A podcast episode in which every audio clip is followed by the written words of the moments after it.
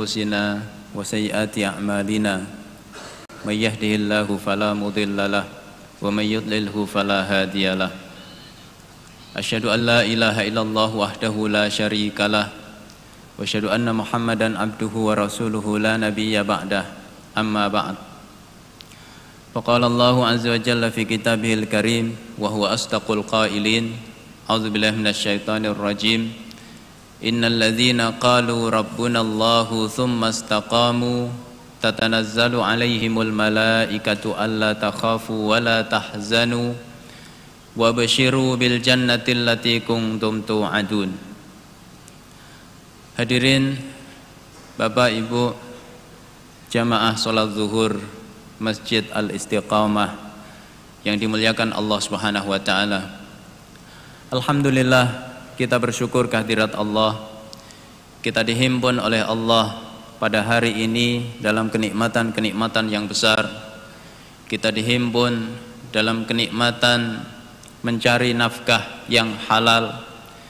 Kita dihimpun oleh Allah dalam nikmat salat berjamaah. Kita dihimpun oleh Allah dalam nikmat zikrullah. Lalu kita dihimpun oleh Allah dalam nikmat talabul ilmi Mudah-mudahan bersambungnya amal saleh demi amal saleh dalam kehidupan kita menandai bahwa seluruh kebaikan kita diterima oleh Allah Subhanahu wa taala. Sebagaimana para ulama mengatakan, "Idza qabilallahu min 'abdihi amalan salihan, waffaqahu Allahu li amalin salihin ba'dah." Kalau Allah menerima amal saleh seorang hamba, maka di antara tandanya adalah dia dimudahkan oleh Allah untuk beramal saleh lagi setelahnya. Jemaah dimuliakan oleh Allah, tema kajian zuhur kali ini adalah al-istiqamatu fi taatillah. Istiqamah di dalam ketaatan kepada Allah Subhanahu wa taala. Sebuah tema yang ringan untuk diucapkan tapi sangat berat untuk diamalkan. Sehingga Saking beratnya tema ini, Rasulullah sallallahu alaihi wasallam diriwayatkan pernah beruban.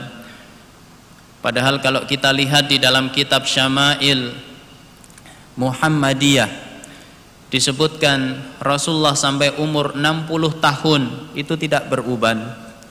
Tiba-tiba beliau beruban dan jumlah uban beliau itu antara 15 sampai 20 helai.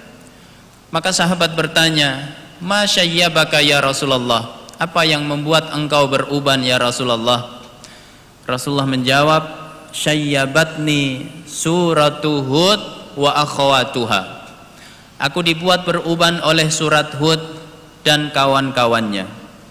Dijelaskan di dalam riwayat apa kawan-kawan surat Hud di antaranya adalah surat Qaf, di antaranya surat Al-Waqi'ah, di antaranya adalah surat An-Nazi'at. Tiga surat ini banyak berbicara tentang hari kiamat. Dan wajar hari kiamat adalah hari yang sangat berat. Allah menggambarkan dalam surat Al-Insan ayat yang ke-27, "Inna haula'i yuhibbunal ajilah wa yadharuna wara'ahum yauman thaqila." Sesungguhnya kebanyakan manusia lebih mementingkan kehidupan dunia dan mereka melupakan hari yang sangat berat yaitu hari kiamat. Lalu apa isi surat Hud? Maka ternyata Rasulullah kemudian membaca ayat yang ke-112. Fastaqim kama umirta wa man taba ma'aka wala tatagaw.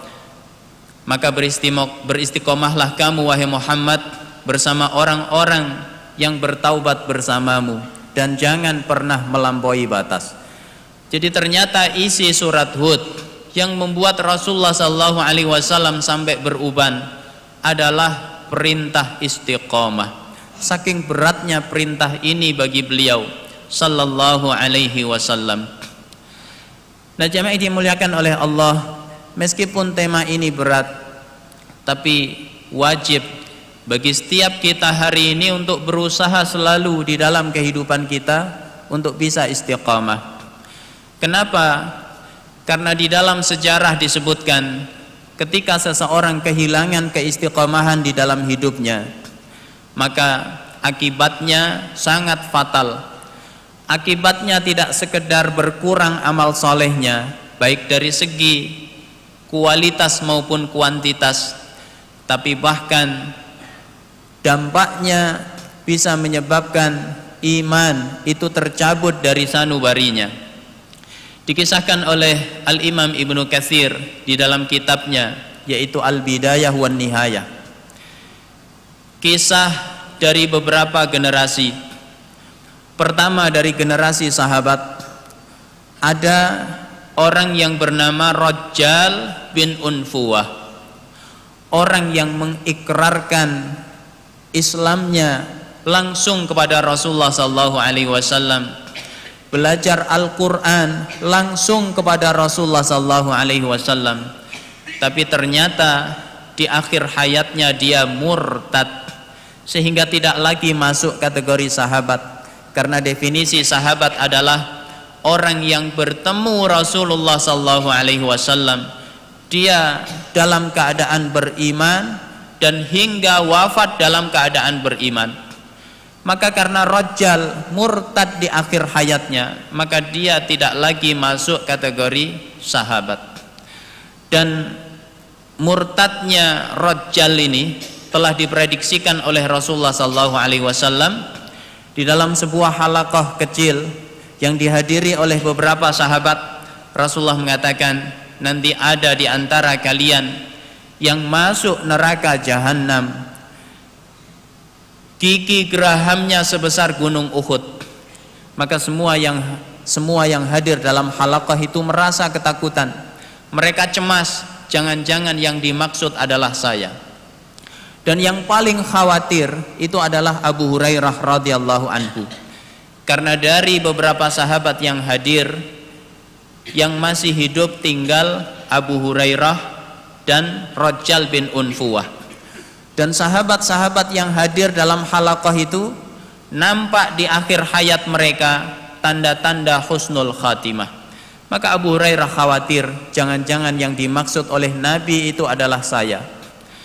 Ternyata prediksi Rasulullah itu terbukti di zaman Abu Bakar As-Siddiq. Setelah Rasulullah wafat salah satu fitnah yang dihadapi oleh Abu Bakar As-Siddiq radhiyallahu anhu adalah fitnah nabi palsu. Ada orang berani mengaku sebagai nabi namanya Musailamah. Dia dijuluki Al-Kadzab, sang pendusta. Maka Abu Bakar As-Siddiq mengirimkan seorang utusan yang dinilai memiliki pemahaman agama yang kuat, memiliki pemahaman terhadap Al-Qur'an yang luar biasa. Diutuslah Rajal bin Unfuwah Begitu Rajal sampai di markasnya Musailamah Al-Kadzab, maka Rajal dihinggapi sifat tamak di dalam hatinya. Dan kata Imam Al-Ghazali, sifat tamak ini adalah salah satu pintu masuknya setan ke dalam hati manusia. Melalui pintu tamak ini, setan benar-benar telah menyesatkan Rajal bin Unfuwah di dalam hatinya terbersit jika saya menjadi pengikutnya Musailamah maka pasti saya akan dapat kedudukan yang bagus. Saya akan dapat uang yang banyak. Akhirnya bukannya dia menasehati Musailamah dia malah murtad menjadi pengikutnya Musailamah dan mati dalam keadaan murtad jamaah dimuliakan oleh Allah kita mundur sedikit generasi berikutnya setelah generasi sahabat yaitu generasi tabi'in. Lagi-lagi dikisahkan oleh Al-Imam Ibnu Katsir di dalam kitabnya Al-Bidayah wan Nihayah. Kisah seorang tabi'in yang bernama Abdah Ibnu Abdirrahim. Tabi'in yang satu ini bukan sembarang tabi'in. Dia ahli ibadah. Apa standar ahli ibadah itu kalau siang puasa sunnah kalau malam qiyamul lail. Dan tidak hanya sampai di situ, dia juga ahli Quran. Dia hafal Al-Quran 30 juz, bukan sekedar juz 30. Dan enggak hanya sampai di situ, dia juga mujahid fi sabilillah. Jadi lengkap kebaikannya. Dia ahli ibadah, dia ahli Quran, dia mujahid fi sabilillah. Tapi lagi-lagi di akhir hayatnya diriwayatkan dia murtad. Kalau yang pertama gara-gara tamak terhadap harta, jabatan, yang kedua ini tamak terhadap wanita. Dia ketika berjihad mengepung benteng Romawi maka terlihat kecantikan putri Romawi hari itu betul-betul mengobrak-abrik hatinya sehingga dia tidak lagi menemukan nikmatnya beribadah kepada Allah Subhanahu wa taala. Ketika sholat terbayang-bayang wanita itu, ketika membaca Al-Qur'an terbayang-bayang wanita itu, akhirnya dia memberanikan diri menulis surat Mattariqu lil wusuli ilaik. Bagaimana caranya aku bisa memiliki dirimu? Wanita itu menjawab, "Tantasir tasil ilayya. Kamu masuk Nasrani, maka otomatis aku menjadi milikmu." Maka tanpa ragu Abdah ibnu Abdurrahim akhirnya murtad agar bisa menikahi wanita tadi. Dia nikah dengan wanita itu tinggal di benteng Romawi mati dalam keadaan murtad. Kaum muslimin merasa heran. Mereka bertanya, "Wahai Abdah, bagaimana kamu bisa murtad padahal kamu hafal Al-Qur'an?" Ternyata hari itu Allah tidak ridha Quran ini dihafal oleh orang yang murtad. Dicabut seluruh hafalan Qur'annya oleh Allah Subhanahu wa taala. Allah sisakan dua ayat saja yaitu ayat 1 ayat 2 dan 3 dari surat Al-Hijr rubama yawaddul ladzina kafaru law kanu muslimin. Dzarhum ya'kulu wa yatamatta'u wa yulhihimul amalu fasawfa ya'lamun. Kata Allah betapa banyak nanti orang-orang kafir di hari kiamat menyesal mengadu kepada Allah ya Allah kenapa dulu aku bukan orang-orang Islam? Kenapa dulu aku bukan orang-orang yang beriman? Maka kata Allah berikutnya, biarkan mereka makan, biarkan mereka bersenang-senang, biarkan mereka dilalaikan angan-angan dunianya, pasti mereka akan mendapati balas dari setiap perbuatan mereka. Jemaah dimuliakan oleh Allah, dua ayat ini itu sebenarnya merupakan teguran yang keras dari Allah kepada tabi'in yang murtad tadi. Tapi karena hatinya telah dibutakan oleh cinta kepada wanita tadi maka ditegur dengan keras sekalipun tidak berefek ke dalam hatinya. Kemudian kita mundur generasi berikutnya generasi ulama.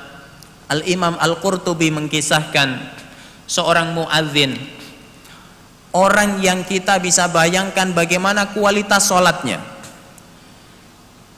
Ternyata muadzin ini kata Imam Al-Qurtubi dia murtad.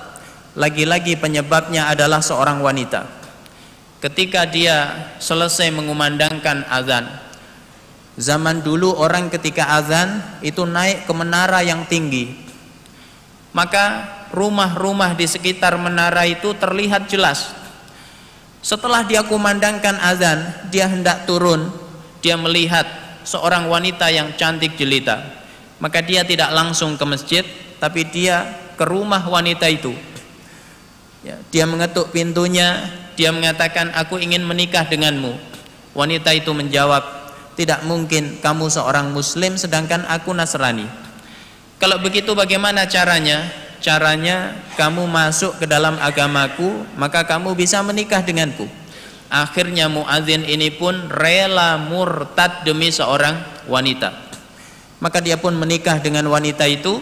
Di malam harinya dia memanjat atap rumah wanita itu dia terpleset jatuh kemudian meninggal dunia jadi jamaah yang dimuliakan oleh Allah kenapa tema istiqamah ini penting untuk selalu kita renungkan dalam kehidupan kita karena ketika keistiqomahan itu hilang dari sanubari kita, maka dampaknya bisa sangat fatal. Tidak sekedar berkurang amal soleh amal soleh kita, tapi bahkan iman ini bisa tercabut dari sanubari kita. Jamaah dimuliakan oleh Allah, setelah kita faham bagaimana pentingnya istiqamah ya. Atau apa itu istiqamah? Berikutnya kenapa kita harus selalu berusaha untuk istiqamah di jalan Allah Subhanahu wa taala? Istiqamah salat berjamaah di masjid, istiqamah menghadiri majelis ilmu, istiqamah untuk mencari nafkah yang halal dan lain sebagainya. Karena orang yang istiqamah itu diberi nikmat-nikmat yang besar oleh Allah Subhanahu wa taala yang tidak Allah berikan kepada lainnya. Apa di antara nikmat itu? Yang pertama adalah hayatan thayyibah orang yang istiqamah itu diberikan kehidupan yang baik oleh Allah Subhanahu wa taala. Apa standar kehidupan yang baik itu? Dalam perspektif Al-Qur'an, kehidupan yang baik itu bukan hanya hartanya banyak, bukan hanya pangkatnya tinggi, bukan hanya nikmat-nikmat duniawi, tapi standar utama kehidupan yang baik itu adalah kehidupan yang tentram, tenang, tidak ada rasa takut di dalamnya. Itu hanya Allah berikan kepada mereka yang istiqamah. Di dalam surat Al-An'am kata Allah Subhanahu wa taala, "Alladzina amanu wa lam yalbisu imanahum bidzulmin ulaika lahumul amnu wa hum muhtadun." Orang-orang yang beriman lalu tidak mencampur adukkan imannya dengan kezaliman. Maksud kezaliman dalam ayat ini adalah syirik kepada Allah Subhanahu wa taala. Jadi dia beriman kepada Allah lalu istiqamah di atas imannya kepada Allah. Tidak sedikit pun mencampur adukkan imannya dengan syirik kepada Allah. Apa yang dia dapatkan? Ulaika lahumul amnu. Dia memperoleh rasa aman, apa maksud rasa aman di sini? Yaitu rasa aman pada kehidupan setelah kematian. Tidak perlu dia takut dengan alam barzakh, tidak perlu dia takut dengan alam akhirat. Dia dijamin dengan keamanan oleh Allah Subhanahu wa taala. Wahum muhtadun dan dia memperoleh petunjuk yaitu petunjuk di dunia. Itu hanya didapatkan oleh mereka yang beristiqamah di jalan Allah Subhanahu wa taala. Sehingga jamaah dimuliakan oleh Allah bahkan di dalam ayat yang saya kutip di mukaddimah tadi yaitu surat Fussilat ayat yang ke-30 Allah menggambarkan orang yang istiqamah dalam ketaatan kepada Allah mereka bahkan diselamatkan oleh Allah dari rasa takut yang secara umum manusia pasti takut menghadapinya yaitu ketika menghadapi kematian. Kata Allah Subhanahu wa taala innal ladzina qalu rabbunallahu tsumma istaqamu. Tatanazzalu alaihimul malaikatu alla takhafu wa la tahzanu wa abshiru bil jannati allati kuntum tu'adun. Sesungguhnya orang-orang yang mengatakan Tuhanku adalah Allah artinya dia beriman kepada Allah summastaqamu. Lalu dia istiqamah di atas iman. Apa yang dia peroleh? Tatanazzalu alaihimul malaikatu alla takhafu wa la tahzanu. Malaikat turun kepadanya. Kata ulama tafsir kapan malaikat itu turun? Yaitu ke ketika kematian hendak mendatanginya.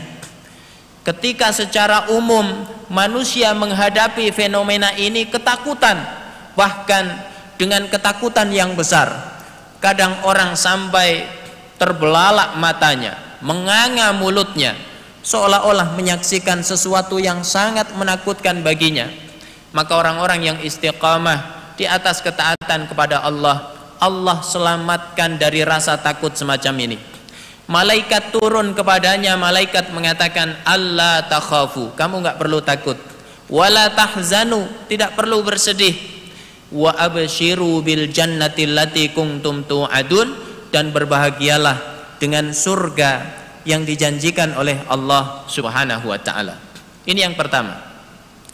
Yang kedua jamaah yang dimuliakan oleh Allah apa yang diperoleh oleh mereka yang istiqamah dalam ketaatan kepada Allah. Yang kedua yaitu mereka memperoleh hifzullah, penjagaan Allah Subhanahu wa taala. Dijaga kesehatannya oleh Allah. Jamaah dimuliakan oleh Allah di dalam sejarah ada seorang ulama besar yang bernama Al-Imam Abu Syuja' salah satu ulama besar di dalam mazhab Syafi'i yang menulis kitab Matnul Ghayah wa Taqrib. Kitab yang sangat bermanfaat di dalam masalah fikih yang disyarah oleh para ulama dari kitab ini lahir kitab Fathul Qaribul Mujib. Dari kitab ini lahir kitab Kifayatul Akhyar. Lahir kitab Al-Iqna dan lain sebagainya. Siapa Al-Imam? Abu Syuja' beliau ulama yang diberkahi hidupnya oleh Allah Subhanahu wa taala. Dalam bentuk umurnya dipanjangkan oleh Allah. Diriwayatkan umur beliau itu sampai 160 tahun. Umur yang panjang untuk ukuran umat Nabi Muhammad sallallahu alaihi wasallam. Kenapa? Karena dalam hadis dikatakan umru ummati ma baina sittin wa sab'in umur umatku itu antara 60 70 kata Nabi. Jadi kalau ada yang dipanjangkan oleh Allah sampai 160 tahun, ini umur yang sangat panjang. Dan menariknya di usia yang begitu sepuh, badannya senantiasa sehat, segar, bugar, panca inderanya masih berfungsi semuanya. Maka pemuda hari itu bertanya, apa rahasianya wahai imam? Anda tetap sehat di usia yang sudah begitu tua. Maka beliau menjawab, Hafidnaha fi sigariha fahafidhahallahu fi kibariha. Kami jaga umur ini pada saat dia masih muda. Maka giliran sudah tua dijaga oleh Allah Subhanahu wa taala. Apa maksud menjaga di sini? Tidak sekedar menjaga secara fisik menjaga pola makan, menjaga pola olahraga, menjaga pola istirahat, tidak sekedar itu. Tapi kata beliau, menjaga syariat Allah Subhanahu wa taala yang Allah perintahkan dikerjakan, yang Allah larang dijauhi, maka menyebabkan fisiknya diberkahi oleh Allah Subhanahu wa taala. Kemudian tidak hanya di situ, tapi juga dijaga harta kita oleh Allah Subhanahu wa taala. Ini bukan sekedar teori, ini adalah isyarat ayat Al-Quran yaitu di surat Al-Kahfi yang sering kita baca kalau malam Jumat atau hari Jumat. Pada ayat yang ke-82 kata Allah wa ammal jidaru fakana li ghulamaini yatimaini fil Madinah wa kana tahtahu kanzul lahuma wa kana abuhuma salihah. Adapun dinding itu kenapa aku tegakkan? Kata Nabi Khidir yang dikisahkan oleh Allah dalam ayat itu karena di bawahnya terdapat harta simpanan milik dua orang anak yatim yang tinggal di sebuah kota yang dulu ayah mereka adalah ayah yang soleh jadi orang tua yang soleh hartanya jangankan dia masih hidup bahkan ketika dia sudah wafat itu hartanya masih dijaga oleh Allah Subhanahu wa taala Bahkan kalau kita mengkaji tafsir ayat ini, sebagian ulama mengatakan yang dimaksud ayah di situ ternyata bukan ayah secara langsung, tapi ayah tingkatan yang ketujuh. Ya, ini anak, ini ayah, kakek, buyut dan seterusnya yang mungkin kita bahkan nggak tahu namanya. Hartanya untuk keturunannya yang ketujuh itu masih dijaga oleh Allah Subhanahu wa taala disebabkan apa? disebabkan keistiqomahannya di dalam ketaatan kepada Allah Subhanahu wa taala. Kemudian juga dijaga keturunan-keturunan kita oleh Allah Subhanahu wa taala. Maka kalau kita baca biografi ulama-ulama kita, banyak ulama kita yang lahir bukan dari keluarga ulama. Al-Imam Abdullah ibnu Mubarak yang hidup di abad kedua Hijriah. Siapa bapaknya? Mubarak itu siapa? ternyata hanya seorang tukang kebun. Tapi tukang kebun yang sangat soleh, tukang kebun yang istiqamah di dalam beribadah kepada Allah Subhanahu wa taala. Istiqamah di dalam kejujuran. Ketika satu hari majikannya datang, minta diambilkan buah. Ada yang mengatakan buah delima, ada yang mengatakan buah apel ya ambilkan aku buah yang manis maka diambil buah dibelah disuguhkan ternyata rasanya pahit aku minta yang manis bukan yang pahit diambil lagi dibelah disuguhkan ternyata pahit maka tuan tanah ini marah kamu sudah lama bekerja di sini masa tidak bisa bedakan mana yang manis mana yang pahit maka dia mengatakan maaf tuan selama ini anda memberi amanah kepada saya untuk merawat kebun saja. Anda tidak pernah memberi amanah kepada saya untuk mencicipi buahnya. Jadi selama saya kerja di sini belum pernah sekalipun saya mencicipi buahnya. Maka tuan tanah ini terpesona dengan kejujuran Mubarak tadi. Maka dia ingat di rumah dia punya anak gadis. Jadi bapak ibu kalau punya ya anak gadis ya ketemu orang soleh maka ingat ya ingat di rumah ada anak gadis kalau cari jodoh cari yang soleh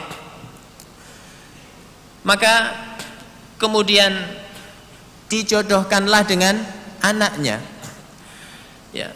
Maka dari pernikahan itu lahirlah seorang ulama besar Al Imam Abdullah ibnu Mubarak. Ulama yang luar biasa. Ilmunya luas diakui manusia di zamannya. Kemudian dia juga saudagar yang kaya raya. Infaknya dalam setahun kalau dinilai dengan rupiah itu miliaran rupiah. Dia rutin memberangkatkan para ulama dan para penuntut ilmu yang miskin yang tidak kuat berangkat ke tanah suci. Maka beliau berangkatkan. Dan beliau juga mujahid fi sabilillah yang berjuang gagah berani membela agama Allah. Ketika perang berkecamuk, safnya paling depan. Tapi begitu perang sudah selesai, kaum muslimin diberikan kemenangan oleh Allah. Maka beliau tidak kelihatan batang hidungnya, tidak ikut ngantri ghanimah karena beliau sudah kaya raya, ya. Jadi ternyata lahir dari seorang ayah yang istiqamah di dalam ketaatan kepada Allah Subhanahu wa taala. Demikian pula kita mengenal Al-Imam An-Nawawi rahimahullah ulama besar ya di abad ke-7 Hijriah. Beliau siapa ayahnya? Lagi-lagi bukan seorang ulama ayahnya yaitu Syaraf ya. Nama beliau Yahya bin Syaraf. Syaraf ini ternyata hanya seorang pedagang tapi pedagang yang saleh pedagang yang istiqamah dalam ketaatan kepada Allah Subhanahu wa taala. Tidak pernah meninggalkan solatnya karena alasannya sibuk cari nafkah. Ya, maka lihat anaknya diberkahi oleh Allah, lahir ulama besar. Kemudian kita juga mengenal Al-Imam Al-Ghazali, ulama besar ya di abad kelima Hijriah. Siapa bapaknya? Ya, Muhammad bin Muhammad bin Muhammad At-Tusi Al-Ghazali. Ya, beliau namanya Muhammad, bapaknya namanya juga Muhammad. Ternyata bapaknya lagi-lagi bukan seorang ulama. Bapaknya hanyalah seorang pengrajin bulu domba. Tapi pengrajin yang saleh, yang istiqamah dalam beribadah kepada Allah, tidak pernah absen menghadiri majelis ilmu. Satu hari beliau hadiri majelis fikih maka beliau berdoa kepada Allah, ya Allah jadikan anakku ahli fikih. Lalu satu hari beliau hadiri majelis hikmah, majelis nasihat. Beliau berdoa kepada Allah, ya Allah jadikan anakku ahli hikmah. Maka dua-duanya diijabah oleh Allah Subhanahu wa taala. Imam Ghazali Muhammad bin Muhammad bin Muhammad At-Tusi Al-Ghazali ahli fikih dan adiknya yaitu Ahmad bin Muhammad bin Muhammad At-Tusi ya. Allah takdirkan ahli hikmah ahli memberikan nasihat. Jadi begitulah berkah istiqamah. Anak-anak kita dijaga oleh Allah Subhanahu wa taala. Dan ini bukan kesimpulan saya, ini adalah kesimpulan para ulama salaf di zaman dahulu. Al-Imam Ibnul Jauzi yang lahir tiga tahun setelah Imam Ghazali diwafatkan oleh Allah Subhanahu wa taala. Imam Ghazali menulis kitab Ihya Ulumuddin. Maka Imam Ibnul Jauzi menulis Minhajul Qasidin, intisari dari kitab Ihya Ulumuddin. Beliau diriwayatkan adalah ulama yang sangat istiqamah di dalam sholat sunnah.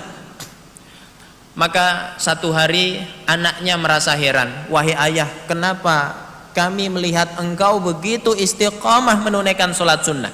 sampai ketika sakit masih sholat sunnah ketika sudah tua masih sholat sunnah maka beliau menjawab wahai anakku ini aku lakukan dengan berharap kepada Allah Subhanahu wa taala agar kelak sepeninggalku nanti kehidupan kalian dijaga oleh Allah Subhanahu wa taala.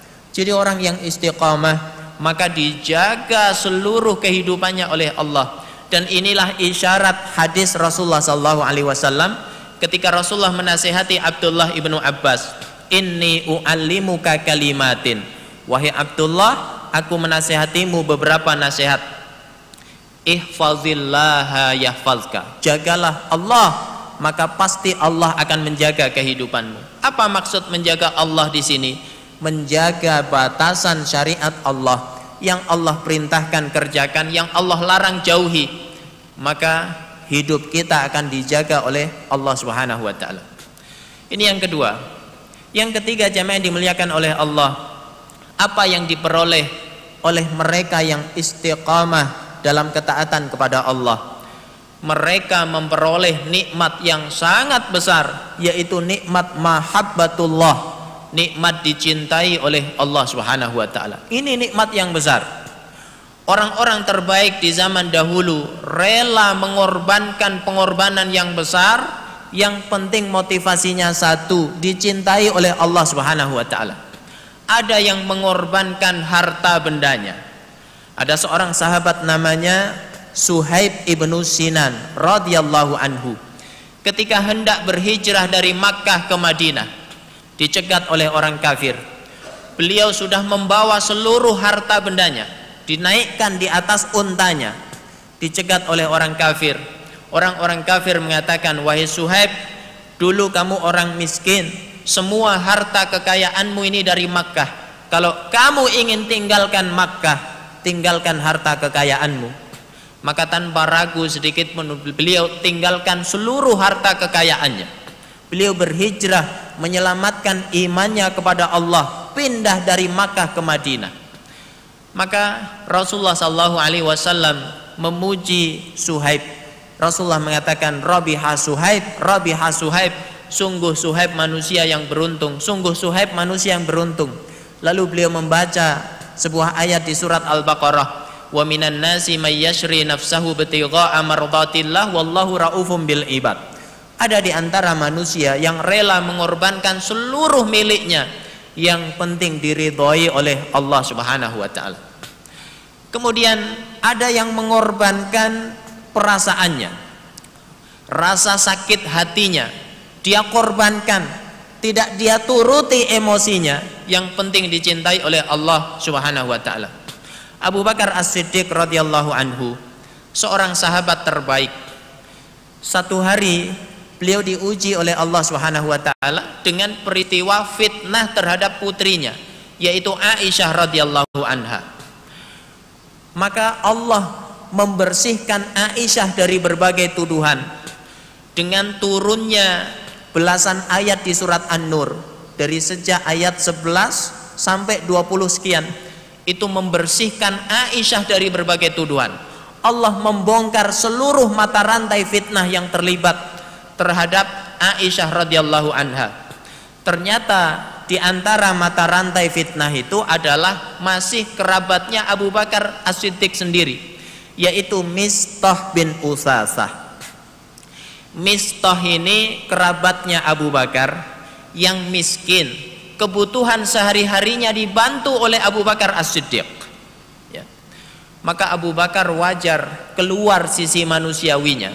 Dia marah dia mengatakan wahai Mistah setelah ini aku akan menghentikan seluruh bantuan yang pernah aku berikan kepadamu. Maka kesalahan sahabat terbaik mengundang teguran dari Allah Subhanahu wa taala. Allah menegurnya lembut sekali.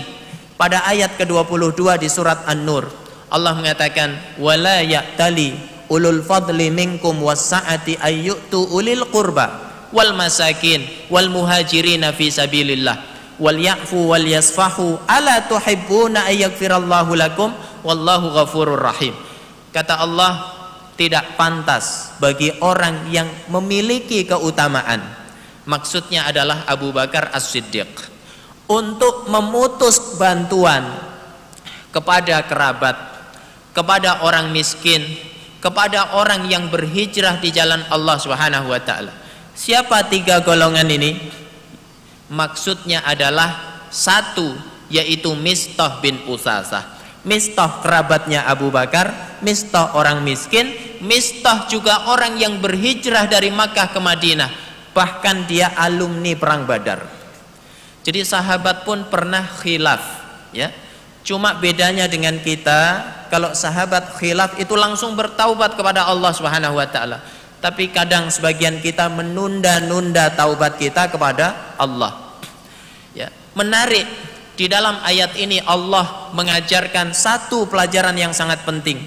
Ini disampaikan oleh Syekh Ali As-Sabuni di dalam tafsirnya, tafsir ayat Al-Ahkam. Ya. Yaitu pelajaran tentang jangan pernah menafikan kebaikan seseorang hanya karena satu kekhilafannya. Mistah ini khilaf. Dia terlibat di dalam fitnah terhadap Aisyah radhiyallahu anha, istrinya Rasulullah sallallahu alaihi wasallam. Tapi Allah tidak menafikan kebaikannya Mistah Allah tetap menyebutnya wal muhajirina fi sabilillah. Pahala hijrahnya tidak dihilangkan oleh Allah Subhanahu wa taala. Maka kita hari ini kalau mendapati seseorang khilaf, apakah dia kawan kita? Apakah dia guru kita, ustadz kita? Dia khilaf, maka jangan karena satu kekhilafannya kita melupakan semua kebaikannya. Ini Allah ajarkan di dalam ayat 22 surat An-Nur, ya. Jadi Abu Bakar As-Siddiq begitu turun ayat ini langsung seketika meralat ucapannya. Beliau korbankan rasa sakit hatinya. Beliau mengatakan, "Wahai Mistah, setelah ini aku akan tetap memberikan bantuan kepadamu seperti biasa, seolah-olah tidak terjadi apa-apa." Apa motivasinya? Yang penting dicintai Allah. Ada yang bahkan mengorbankan jiwa dan raganya di jalan Allah lagi-lagi motivasinya yang penting dicintai oleh Allah. Anas bin Nadar radhiyallahu anhu, salah satu pahlawan di dalam perang Uhud. Ketika perang berkecamuk, dia berkata kepada Sa'ad bin Mu'ad radhiyallahu anhu, "Wahai Sa'ad, demi Allah aku mencium aroma surga di medan Uhud ini." Maka beliau berjuang dengan gagah berani sampai ketika perang selesai, jasad beliau sulit untuk dikenali ada 80 luka lebih di sekujur tubuhnya. Apakah sayatan pedang, tusukan tombak, ataupun tembakan anak panah sehingga tubuhnya tidak bisa dikenali. Siapa yang bisa mengenalinya? Satu-satunya adalah saudari perempuannya dan itu melalui jari jemarinya. Maka berkenaan dengan kepahlawanan Anas bin Nadar, turunlah ayat 23 surat Al-Ahzab minal mu'minina rijalun sadaqu ma ahadullah alaih faminhum man qada nahbahu wa minhum man yantazir wa ma baddalu tabdila di antara orang-orang yang beriman terdapat rijal pemuda-pemuda yang gagah yang jujur terhadap janji mereka kepada Allah di antara mereka ada yang syahid di antara mereka ada yang masih menunggu-nunggu dan mereka tidak pernah merubah janji mereka kepada Allah. Kata para sahabat, ayat ini turun itu berkenaan dengan kepahlawanan Anas bin Nadar. Kenapa dia sampai mengorbankan dirinya sedemikian rupa? Motivasinya satu, dicintai oleh Allah Subhanahu wa taala. Maka kalau kita ingin dicintai oleh Allah yaitu istiqamah di dalam amal. Di dalam hadis dikatakan khairul a'mal madama wa in Amalan yang paling dicintai oleh Allah itu yang terus menerus, yang istiqamah meskipun sedikit. Kita membaca Al-Quran sehari satu halaman, tapi istiqamah itu lebih dicintai oleh Allah dibanding sekali duduk satu juz, tapi setelah itu libur satu pekan. Ya. Bahkan saking dicintainya oleh Allah, Allah berikan kepadanya pahala yang Allah tidak berikan kepada lainnya Orang yang istiqomah dalam amal soleh Istiqomah solat berjamaah. Istiqomah solat sunnah. Istiqomah membaca Al-Quran. Satu hari dia uzur ya, Apakah karena sakit Ataukah karena safar? Dia nggak bisa solat berjamaah di masjid. Dia nggak bisa solat sunnah. Dia nggak bisa baca Quran. Maka tetap mengalir padanya Amalan yang biasa dia rutinkan Meskipun saat itu dia tidak bisa mengamalkannya Begitu kata Rasulullah sallallahu alaihi wasallam, "Man marida aw safara kutiba lahu ma kana ya'maluhu sahihan muqiman." Orang yang rutin mengerjakan kebaikan, satu hari dia sakit, satu hari dia safar, lalu tidak bisa mengerjakan amal saleh yang rutin dia kerjakan, maka tetap mengalir pahala atasnya amalan-amalan yang biasa dia kerjakan ketika dia masih sehat dan ketika dia tidak safar. Terakhir jamaah yang dimuliakan oleh Allah. Setelah kita tahu Bagaimana urgensi istiqamah dalam kehidupan kita Bagaimana cara kita menggapai keistiqomahan tersebut. Yang pertama adalah dengan selalu meningkatkan ketakwaan kita kepada Allah. Kenapa kita sholat berjamaah di masjid? Kenapa kita puasa ya puasa yang wajib maupun puasa yang sunnah? Kenapa kita umroh? Kenapa kita haji? Kenapa kita bersodakoh agar ketakwaan kita meningkat. Orang yang takwanya meningkat, maka dia akan mudah untuk istiqamah. Tapi orang yang takwanya menurun, maka dia pun akan sulit untuk istiqamah. Yang kedua, yaitu dengan at-tawassut fil amal. Pertengahan di dalam beramal. Jangan wulu, jangan ekstrim. Ekstrim itu dilarang oleh Allah Subhanahu wa taala meskipun niatnya baik. Allah mengatakan la taglu fi dinikum. Hai orang-orang yang beriman, jangan kalian berlebihan di dalam agama kalian. Dilarang oleh Allah. Dan Rasulullah pun melarangnya. Ketika pada satu malam, malam itu adalah malam-malam iktikaf, 10 malam terakhir di bulan Ramadan. Rasulullah mendapati ada sebuah tali terikat dari satu tiang ke tiang lainnya di Masjid Nabawi maka Rasulullah bertanya, "Wa ma hadzal habl?" Ini tali untuk apa? Milik siapa tali ini? Maka dijawab, "Ini tali miliknya si fulan." Dia kalau sholat sambil bersandar pada tali sehingga meskipun ngantuk saking lamanya dia sholat dia nggak roboh karena disangga oleh tali niatnya bagus atau tidak pak bagus semangat yang luar biasa dalam beribadah kepada Allah tapi ditegur oleh Nabi inna li badanika alaika hak tubuhmu itu punya hak atas dirimu. Demikian pula ketika ada tiga orang datang kepada Aisyah radhiyallahu anha bertanya bagaimana ibadah Rasulullah sallallahu alaihi wasallam. Maka dijelaskan bagaimana qiyamul lailnya Nabi puasanya Nabi zikirnya Nabi. Maka tiga orang ini berkesimpulan. Yang satu mengatakan kalau begitu aku akan puasa terus menerus tanpa berbuka. Yang satu mengatakan aku akan qiyamul lail terus menerus tanpa tidur. Yang satu mengatakan aku akan habiskan sisa hidupku untuk beribadah kepada Allah dan aku tidak akan menikah. Niatnya baik atau tidak Pak? niatnya baik. Tapi ketiganya dipanggil oleh Nabi apakah kalian bertiga yang berkata begini dan begini? Betul ya Rasulullah. Lalu Rasulullah mengatakan ama inni akhsyakum wa atqakum lillah. Ketahuilah aku ini orang paling takut paling takwa kepada Allah. Walakinni asumu wa uftir. Tapi aku puasa aku juga berbuka. Wa usalli wa arkut. Aku salat aku juga istirahat. Wa atazawwajun nisa dan aku juga menikah. Faman ragiba an sunnati falaisa minni. Siapa yang tidak senang dengan sunnahku maka dia bukan golonganku Kenapa berlebihan seperti ini dilarang padahal niatnya baik? Karena fitrah manusia tidak bisa menerima itu, ya. Orang yang berlebihan itu tidak akan bisa istiqomah. Dia cepat putus di dalam beramal.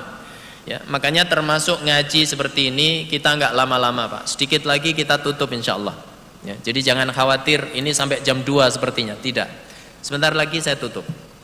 Ya, kalau jam 2 nanti Bapak taubat nasuha semuanya. Ya. Yang ketiga, bagaimana cara kita istiqamah? Yaitu dengan tolabul ilmi, menuntut ilmu. Kenapa harus menuntut ilmu? Orang yang beramal dibangun di atas ilmu, maka dia mudah untuk istiqomah.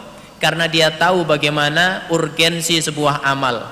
Keutamaan amal itu di sisi Allah Subhanahu wa taala.